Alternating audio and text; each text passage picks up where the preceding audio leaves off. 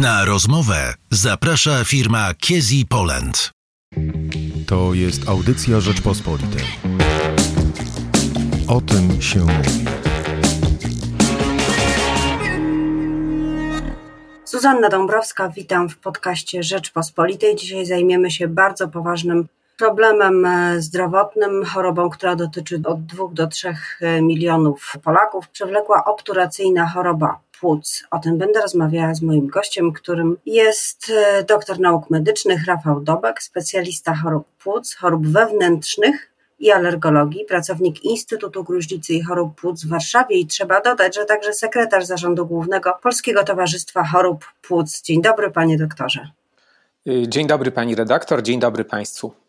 Jak mówiłam, PHP będzie tematem naszej rozmowy, ale żeby tak mogło się stać, to najpierw zdefiniujmy, co to jest za choroba, potem przejdziemy do tego głównego problemu, dlaczego jest tak powszechna i czy jest właściwie w Polsce leczona. Y, przewlekła obturacyjna choroba płuc jest rzeczywiście chyba najczęstszą i najpoważniejszą chorobą płuc, zwłaszcza w populacji powyżej 50 roku życia. Istotą tej choroby jest nieodwracalne, trwałe uszkodzenie oskrzeli oraz pęcherzyków płucnych y, przez wnikające do układu oddechowego szkodliwe y, zanieczyszczenia, takie jak dym tytoniowy, a także zanieczyszczenia powietrza. Y, niestety podstawowym problemem związanym z POHP jest to, że zmiany w przebiegu tej choroby są nieodwracalne, są to zmiany morfologiczne. Y, żeby zrozumieć, dlaczego nie można nigdy w POHP w pełni wyleczyć, należy wyobrazić sobie, co się dzieje w płucach, do których wnika dym papierosowy. Dym papierosowy czy dym tytoniowy zawiera bardzo liczne substancje toksyczne, między innymi tak zwane substancje smoliste. Y, substancje smoliste osadzają się na rzęskach, które znajdują się na nabłonku dróg oddechowych. Te rzęski mają ogromną rolę fizjologiczną. Y, odpowiadają one za tak zwany system oczyszczania śluzowo-rzęskowego i dzięki ruchowi rzęsek dochodzi do usuwania z naszych dróg oddechowych drobnoustrojów, a także y, substancji organicznych i nieorganicznych, które wnikają wraz z wdychanym powietrzem. W momencie, kiedy substancje smoliste y, niszczą rzęski, dochodzi do ich zlepiania, uszkodzenia i pozbawienia dużych obszarów błony śluzowej rzęsek, wówczas y, do dolnych dróg oddechowych już bez przeszkód przedostają się bakterie, pyły organiczne, nieorganiczne, dochodzi wówczas do y, rozwinięcia się procesu zapalnego w dolnych drogach oddechowych, a także w pęcherzykach płucnych. Konsekwencją tego procesu zapalnego jest niszczenie pęcherzyków płucnych, niszczenie przegród międzypęcherzykowych, łączenie się pęcherzyków płucnych y, w większe przestrzenie, które nazywamy pęcherzami rozedmowymi. I niestety prowadzi to do zmniejszenia powierzchni wymiany gazowej, Y, do powstania rozedmy płuc, y, do powstania również przewlekłego obturacyjnego zapalenia oskrzeli. I te wszystkie zmiany są trwałe i niestety nieodwracalne. Panie doktorze, ten pierwszy etap, czyli stracenie naturalnej, można powiedzieć, zaprojektowanej przez organizm zapory, śluzy, jaką są rzęski, czy to jest moment, kiedy można już rozpoznać, że dzieje się coś złego? Y, niestety najczęściej nie. Pacjent wówczas nie ma typowych objawów. Y, może mieć niewielki kaszel. Zdecydowana większość osób palących papierosy traktuje kaszel jako objaw higieniczny, który ułatwia oczyszczanie się dróg oddechowych. W rzeczywistości taki przewlekły kaszel, zwłaszcza kaszel w godzinach rannych, połączony z wykrztuszaniem śluzowej wydzieliny jest już objawem choroby, ale pacjenci tego e, nie traktują na serio. E, potem już w nieco późniejszych etapach pojawia się e, duszność, na początku w czasie dużych wysiłków fizycznych, potem w czasie małych wysiłków fizycznych. I ponieważ te objawy następują bardzo powoli, są one rozłożone w czasie, wobec tego pacjenci bardzo często je bagatelizują. No tak, czyli mamy dwa pierwsze elementy, to jest ten kaszel szczególnie, e, szczególnie poranny i pojawiająca się duszność. Kiedy pacjent z takimi objawami, objawami przeciętnie, przeważnie trafia do, do szpitala, trafia do specjalisty. Czyli jest już po tym pierwszym sicie podstawowej opieki zdrowotnej. Rozpoznanie POHP stawiane jest późno lub bardzo późno. Wiemy, że ponad 50% nowo postawionych rozpoznań POHP jest w populacji pacjentów, którzy mają już umiarkowaną obturację, a więc zaznaczone zmiany w drzewie oskrzelowym z czynnością płuc w zakresie pomiędzy 50 a 70% wartości należnej. 30% wtedy, kiedy obturacja jest ciężka. Zaledwie 19% chorych ma postawione rozpoznanie w stadium łagodnej obturacji, a właśnie u tych pacjentów można najwięcej pomóc i można tę chorobę próbować jeszcze zatrzymać. Czy istnieją grupy ryzyka? No jedna narzuca się y, w sposób oczywisty, to są osoby palące, ale czy są jeszcze inne grupy ryzyka, y, które, które mogą być zagrożone? Tak, oczywiście palenie papierosów jest na pierwszym miejscu, ale nie możemy zapominać o paleniu biernym. Palenie bierne y, przez wiele lat ma również szkodliwy wpływ jak czynne palenie papierosów, i wśród moich pacjentów mam bardzo wielu chorych, którzy nigdy nie zapalili żadnego, ani jednego papierosa, ale przez wiele lat pracowali w biurze w dawnych latach, kiedy to jeszcze było możliwe, i byli narażeni na y, palących współpracowników. Y, drugim ważnym czynnikiem ryzyka są zanieczyszczenia atmosferyczne, czyli tak zwany smog, y, praca w warunkach szkodliwych, praca w zapyleniu. Coraz więcej mówi się również o tym, że istotnym czynnikiem ryzyka jest także źle leczona lub nieleczona astma w młodości. Y, o tę astmę jeszcze chciałabym y, dopytać, dlatego że y, rzeczywiście rzadko się zdarza, żeby ta konsekwencja była osobom, które astmy, i tutaj duży cudzysłów, astmę przechorowały, bo wydaje mi się, że do końca nie można być nigdy pewnym, ale które właśnie miały takie stany astmatyczne czy astmę zdiagnozowaną w młodości, rzadko kiedy liczą się z tym, że może być taka konsekwencja. Jak Astma to? jest chorobą przewlekłą, jest to choroba bardzo częsta i na szczęście choroba łagodna w zdecydowanej większości. Y, wiele osób młodych, którzy mają alergię, cierpią na alergiczny nieżyt nosa, ma łagodne objawy astmy. Y, niejednokrotnie te objawy są lekceważone, astma nie zostaje rozpoznana, chory nie otrzymuje leków przeciwzapalnych i niestety pali papierosy. I palenie papierosów w połączeniu z źle leczoną lub nieleczoną astmą jest bardzo silnym czynnikiem ryzyka rozwoju POHP. Mówiąc jeszcze o czynnikach ryzyka POHP, nie możemy y, wspomnieć o predyspozycjach genetycznych. Na pewno one też mają znaczenie.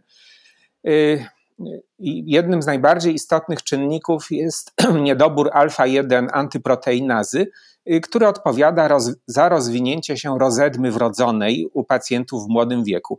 Niemniej jednak chciałbym bardzo mocno podkreślić, że rozedma wrodzona, pomimo podobnych mechanizmów patofizjologicznych, nie jest y, klasyczną postacią POHP. Kiedy powinniśmy się czuć zaniepokojeni y, stanem swoim albo swoich bliskich, z jakimi objawami, objawami należy udać się do lekarza i do jakiego lekarza? Czy od razu próbować dostać się do specjalisty? Y, zawsze y, przewlekły kaszel, zwłaszcza poranny kaszel, powinien być objawem alarmującym. To jest objaw wysoce niespecyficzny. Kaszel nie występuje wyłącznie w POHP, może być objawem innych chorób płuc, chorób śródmiąższowych, a nawet nowotworu płuca, w związku z tym kaszlu nie można nigdy lekceważyć, pomimo że y, przyczyny kaszlu mogą być różnorodne. Drugim bardzo ważnym objawem jest duszność w czasie wysiłków fizycznych.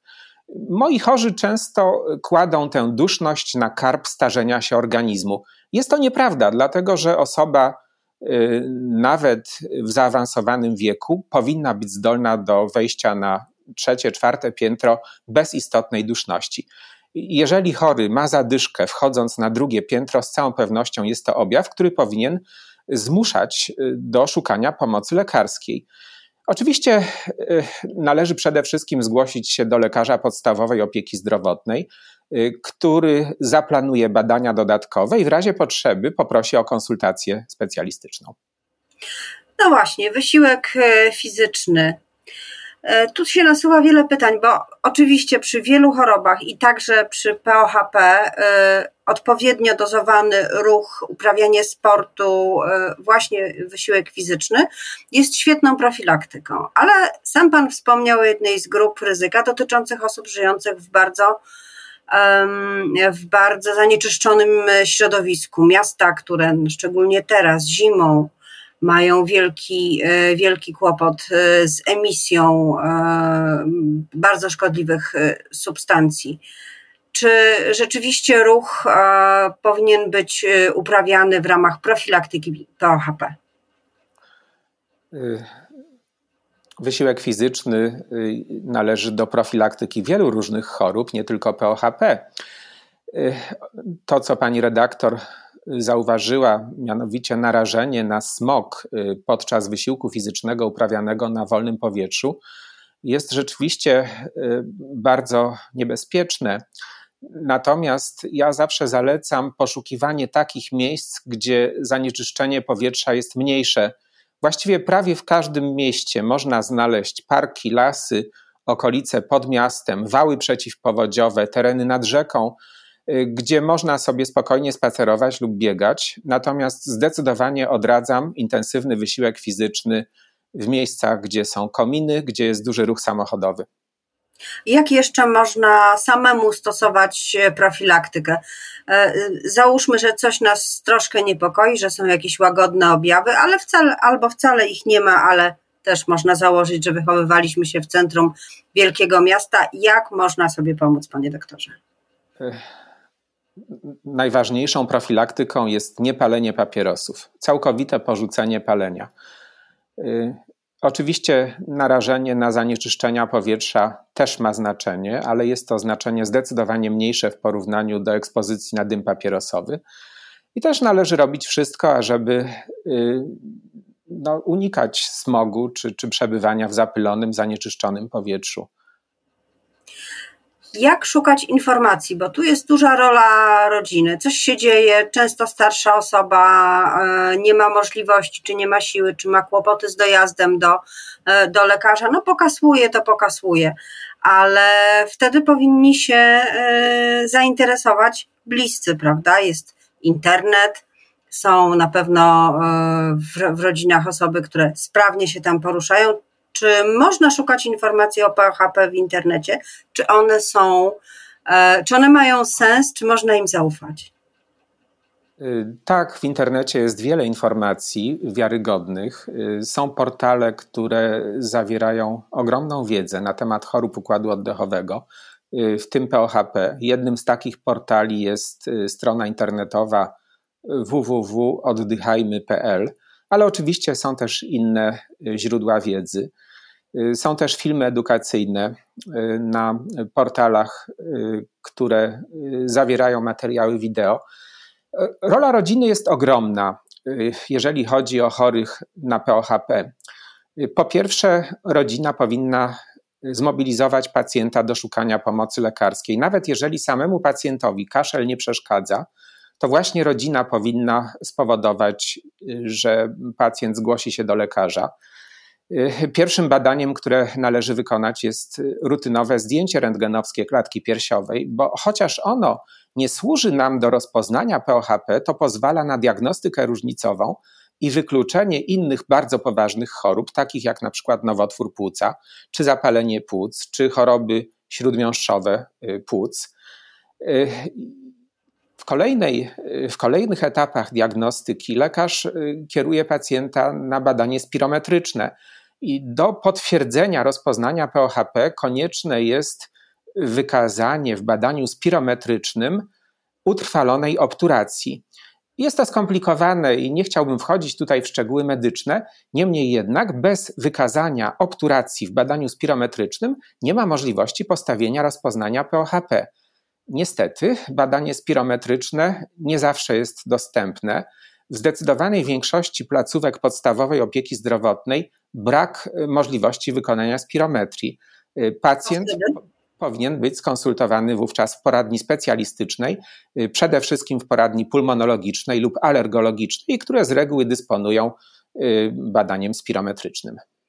No i tu dochodzimy do problemów, z którymi zderzamy się właściwie codziennie. Nie mogę nie zapytać o relacje między POHP a e, pandemią, która atakuje przecież e, płuca, która powoduje, że przekształcane są oddziały w szpitalach. Czy to ma wpływ na możliwości leczenia, na dostęp do, do leczenia POHP, czy jeszcze nie ma takiej, takiego zagrożenia? Zdecydowanie ma wpływ. Pandemia COVID-19 spowodowała utrudniony dostęp do zarówno poradni specjalistycznych, jak i szpitali. Y, oczywiście wynika to po pierwsze z tego, że system ochrony zdrowia jest przeciążony przez chorych z COVID-19, ale również wynika y, z koniecznych środków ostrożności, y, które zostały podjęte. No i tak wiadomo, że w poradniach specjalistycznych ogranicza się liczbę przyjmowanych pacjentów. Również utrudniony jest dostęp do badania spirometrycznego. Y, przez wiele miesięcy badanie spirometryczne było odradzane podczas pandemii COVID-19. Y, właściwie było wykonywane y, tylko w szczególnych sytuacjach. Niemniej jednak Polskie Towarzystwo Chorób Płuc opublikowało wytyczne dla lekarzy, nie tylko pulmonologów, ale także lekarzy POZ, które bardzo wyraźnie mówią, że pomimo pandemii COVID-19 jednym ze wskazań bezwzględnych do wykonania spirometrii jest diagnostyka POHP, dlatego że bez spirometrii nie możemy postawić rozpoznania i nie możemy rozpocząć leczenia. A więc w tej chwili wykonujemy y, badanie spirometryczne u pacjentów y, z podejrzeniem przewlekłej obturacyjnej choroby płuc. Wspomniał Pan o tym, że najwięcej można zrobić dla e, pacjentów, którzy mają tę obturację jeszcze na bardzo niskim poziomie. E, co w takim razie można zrobić i czy to znaczy, że jednak jest szansa na tym pierwszym poziomie, poziomie na wyleczenie się z POHP? W badaniach klinicznych zaobserwowano, że największy spadek y, parametrów czynności płuc, tak zwanego parametru FFV1, a więc objętości powietrza, którą pacjent wydycha y, podczas pierwszej sekundy natężonego wydechu, następuje wtedy, kiedy obturacja jest w stadium łagodnym lub umiarkowanym. Y, jest ten spadek w ciągu roku znacznie większy niż wtedy, kiedy obturacja jest zaawansowana. Y, niestety pacjent nie ma wówczas intensywnych objawów klinicznych, ale właśnie wtedy powinno być postawione rozpoznanie i wtedy y, powinno być wdrożone leczenie, do którego należy oczywiście zmniejszenie czynników ryzyka, zaprzestanie palenia papierosów i wdrożenie racjonalnej farmakoterapii. Oczywiście nie można wyleczyć tego, y, co już się w płucach stało. Na samym początku naszej rozmowy podkreśliłem, że istotą POHP są trwałe zmiany morfologiczne w obrębie tkanki płucnej. Nie ma i prawdopodobnie nigdy nie będzie możliwości odwrócenia tych zmian, ale jeżeli choroba zostanie rozpoznana wcześnie, jeżeli leczenie i y, ograniczenie czynników ryzyka nastąpi odpowiednio wcześnie, wówczas mamy szansę na co najmniej spowolnienie postępu choroby, a może nawet zatrzymanie. Jeżeli rozpoznanie nastąpi późno, a tak się dzieje w zdecydowanej większości chorych, to niestety te szanse są znacznie, znacznie mniejsze. W związku z tym na spotkaniach z lekarzami ja bardzo apeluję do tego, ażeby wykonywać spirometrię u chorych, którzy przychodzą do lekarza podstawowej opieki zdrowotnej z jakiegokolwiek innego powodu, niezwiązanego z chorobą płuc, może to być leczenie nadciśnienia, leczenie chorób układu pokarmowego, ale jednocześnie dokładnie zebrany wywiad pozwala stwierdzić, że pacjent jest osobą palącą i zgłasza przewlekły kaszel, bezwzględnie taka osoba powinna mieć wykonane badanie spirometryczne. Czy to nie powinno, to zalecenie nie powinno zostać bardziej sformalizowane, nie powinno zostać powszechną praktyką w gabinetach podstawowej opieki zdrowotnej? Zdecydowanie uważam, że tak. Każdy chory, który pali papierosy i kaszle, powinien mieć wykonane badanie spirometryczne. Nie jestem zwolennikiem wykonywania spirometrii w populacji ogólnej, to znaczy u wszystkich osób, ale u osób, które palą papierosy i kaszlą, jak najbardziej.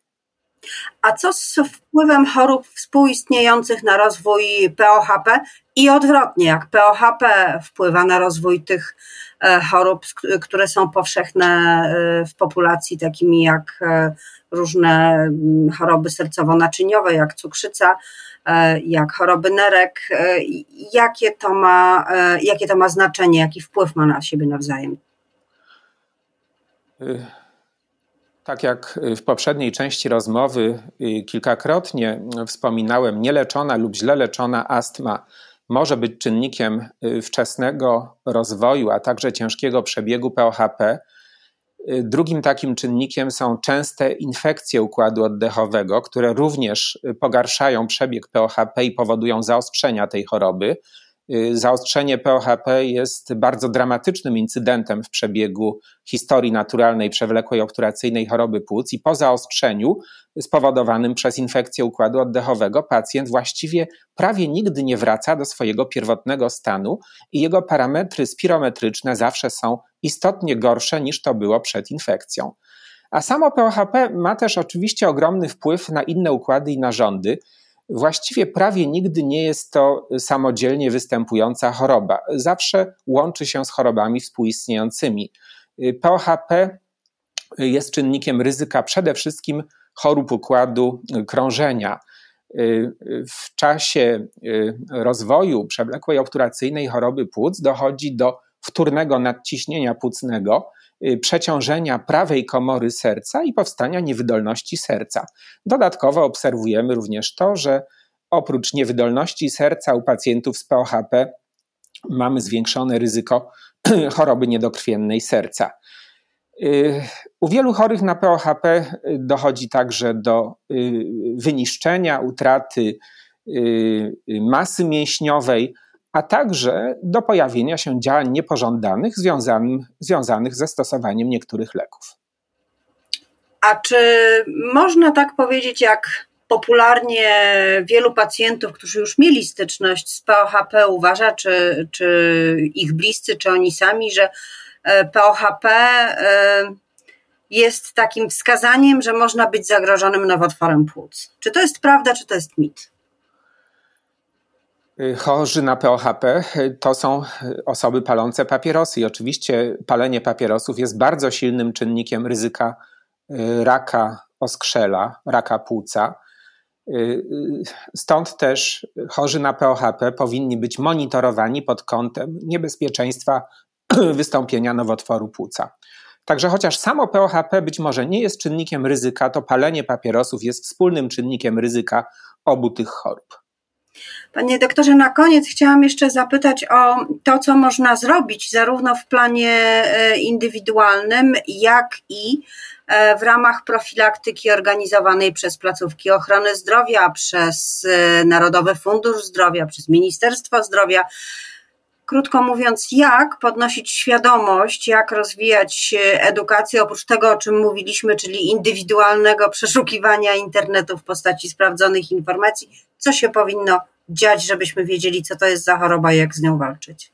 Myślę, że jest to ogromnie ważny problem, o którym powinniśmy podyskutować nieco szerzej, bo istotne znaczenie ma świadomość społeczna zagrożeń spowodowanych przez choroby. Paradoksalnie, wtedy, kiedy u chorego stawiam rozpoznanie astmy, to prawie zawsze widzę niepokój, prawda? Bo astma kojarzy się z dusznością. Duszność jest objawem dramatycznym dla pacjenta jeszcze 20-30 lat temu astma była chorobą bardzo trudną do leczenia.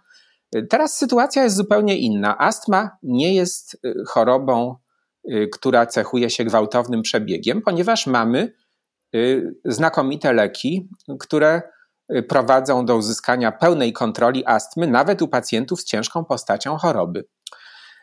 Natomiast kiedy rozpoznaje POHP, to zdecydowana większość pacjentów pyta, a co to właściwie jest?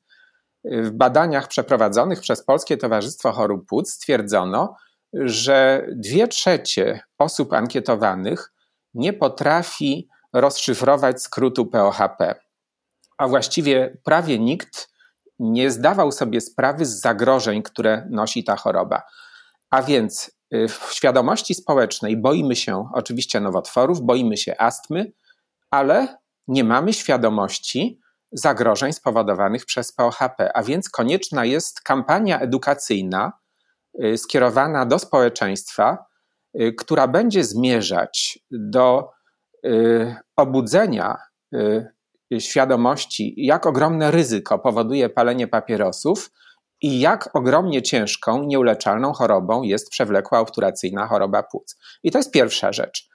Druga sprawa to jest w momencie, kiedy już POHP jest rozpoznane, y, konieczna jest edukacja w zakresie y, samego leczenia, bo POHP leczymy przede wszystkim przy pomocy leków wziewnych, a więc stosując aerozoloterapię.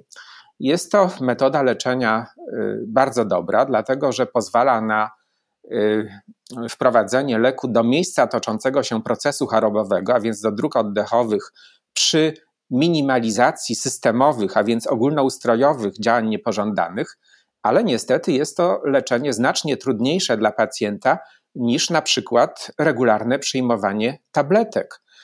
Y, chory, który otrzymuje inhalator, powinien być przeszkolony w zakresie techniki obsługi urządzenia do inhalacji. Z własnego doświadczenia wiem, że jest to ogromnie trudne, zwłaszcza w przypadku osób starszych, z licznymi chorobami współistniejącymi. I tu jest ogromna rola rodziny. Y, u chorych na POHP y, edukację kieruje nie tylko dla samych pacjentów, ale osób z najbliższego otoczenia, to znaczy ich dzieci, wnuków, opiekunów, dlatego że to właśnie ten opiekun, który jest z pacjentem, będzie w stanie powtórzyć instrukcję obsługi inhalatora, sprawdzać, czy pacjent prawidłowo stosuje lek do inhalacji. Lekarz ma kontakt z pacjentem przez optymalnie 15-20 minut, a potem wizyta kontrolna po kilku miesiącach. A opiekun, czyli osoba z najbliższej rodziny, jest z tym chorym w zasadzie prawie cały czas. I tutaj jest ogromna rola edukacji. Edukujemy nie tylko chorych na POHP, ale ich y, rodziny. No i trzecia rzecz to jest oczywiście edukacja w zakresie unikania czynników ryzyka Y, przede wszystkim zaprzestania palenia papierosów. Niestety, y, mam wielu chorych na POHP, którzy pomimo postawionego rozpoznania y, nie zaprzestają palenia. W takiej sytuacji choroba dalej postępuje, a leczenie jest znacznie mniej skuteczne niż moglibyśmy oczekiwać. A czy w związku z tym, że jednak no, następuje powolny, ale następuje taki proces odejścia od palenia, coraz mniej osób pali, a przede wszystkim e, ograniczane jest bierne palenie, e, tak jak sam pan doktor wspomniał, w, biurach, w pracy już nie pali się we wspólnych pomieszczeniach, trzeba wyjść. Czy w związku z tym wszystkim można mówić o zmniejszeniu się skali POHP?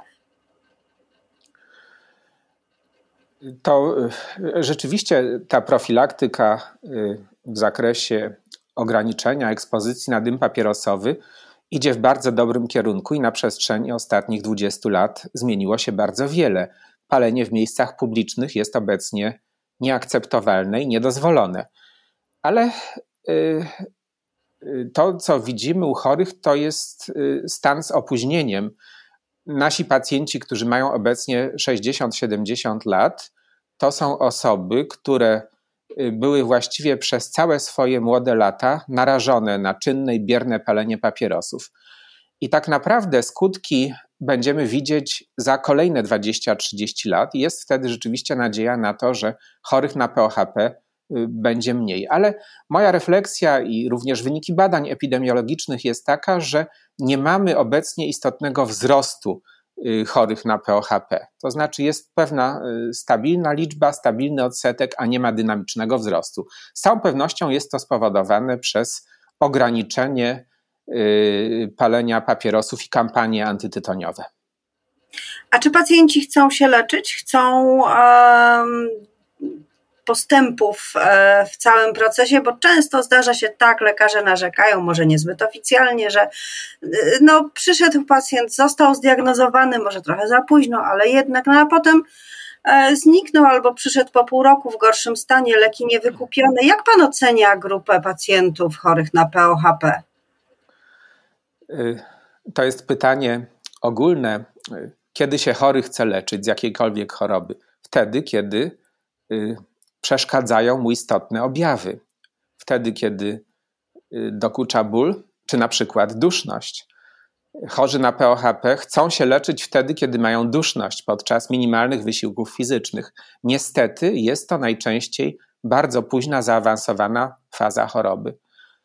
Y, z żalem muszę stwierdzić, że chorzy z łagodną obturacją, wtedy kiedy można najwięcej osiągnąć, mają niewielkie objawy. Ta duszność y, im tak bardzo nie przeszkadza i ci pacjenci lekceważą, zarówno lekceważą niebezpieczeństwa związane z paleniem papierosów, jak i też niestety nieregularnie przyjmują leki. Tak już jest. Tak już jest, ale mimo to wzywamy chyba oboje, proszę Państwa, nie palcie, zwracajcie uwagę na objawy e, i mimo wszelkich trudności idźcie do lekarza, do POZ-u, potem do specjalisty. Zdecydowanie tak. Czy jeszcze jakieś na koniec zalecenie dla narażonych na POHP? Y, szanowni Państwo, y, trzeba myśleć o POHP, y, nie lekceważyć przewlekłego kaszlu. Nie tylko dlatego, że to jest czynnik, który jest to objaw, który może być pierwszym zwiastunem POHP, ale przewlekły kaszel może być objawem bardzo wielu chorób płuc, czasem innych chorób, chorób układu krążenia, chorób układu pokarmowego.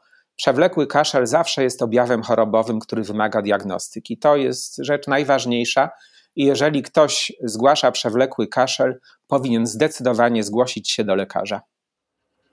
Bardzo dziękuję za tę końcową przestrogę. Gościem e, naszego podcastu był doktor nauk medycznych Rafał Dobek, specjalista chorób płuc, chorób wewnętrznych i alergologii pracownik Instytutu Gruźlicy i Chorób Płuc w Warszawie. Bardzo dziękuję panie doktorze. Y, dziękuję pani redaktor, dziękuję państwu. Na rozmowę zaprosiła firma Kiezi Poland. Słuchaj więcej na stronie podcasty.rp.pl. Szukaj Rzeczpospolita Audycje w serwisach streamingowych.